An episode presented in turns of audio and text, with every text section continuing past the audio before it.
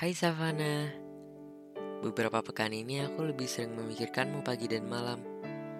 Nggak tahu kapan habisnya. Isi dalam pikiranku hanya kamu, kamu dan kamu. Sosok kamu itu telah mengganti mimpi burukku dengan mimpi indah. Kekhawatiranku menjadi kebahagiaan, dan ketakutanku menjadi rasa sayang.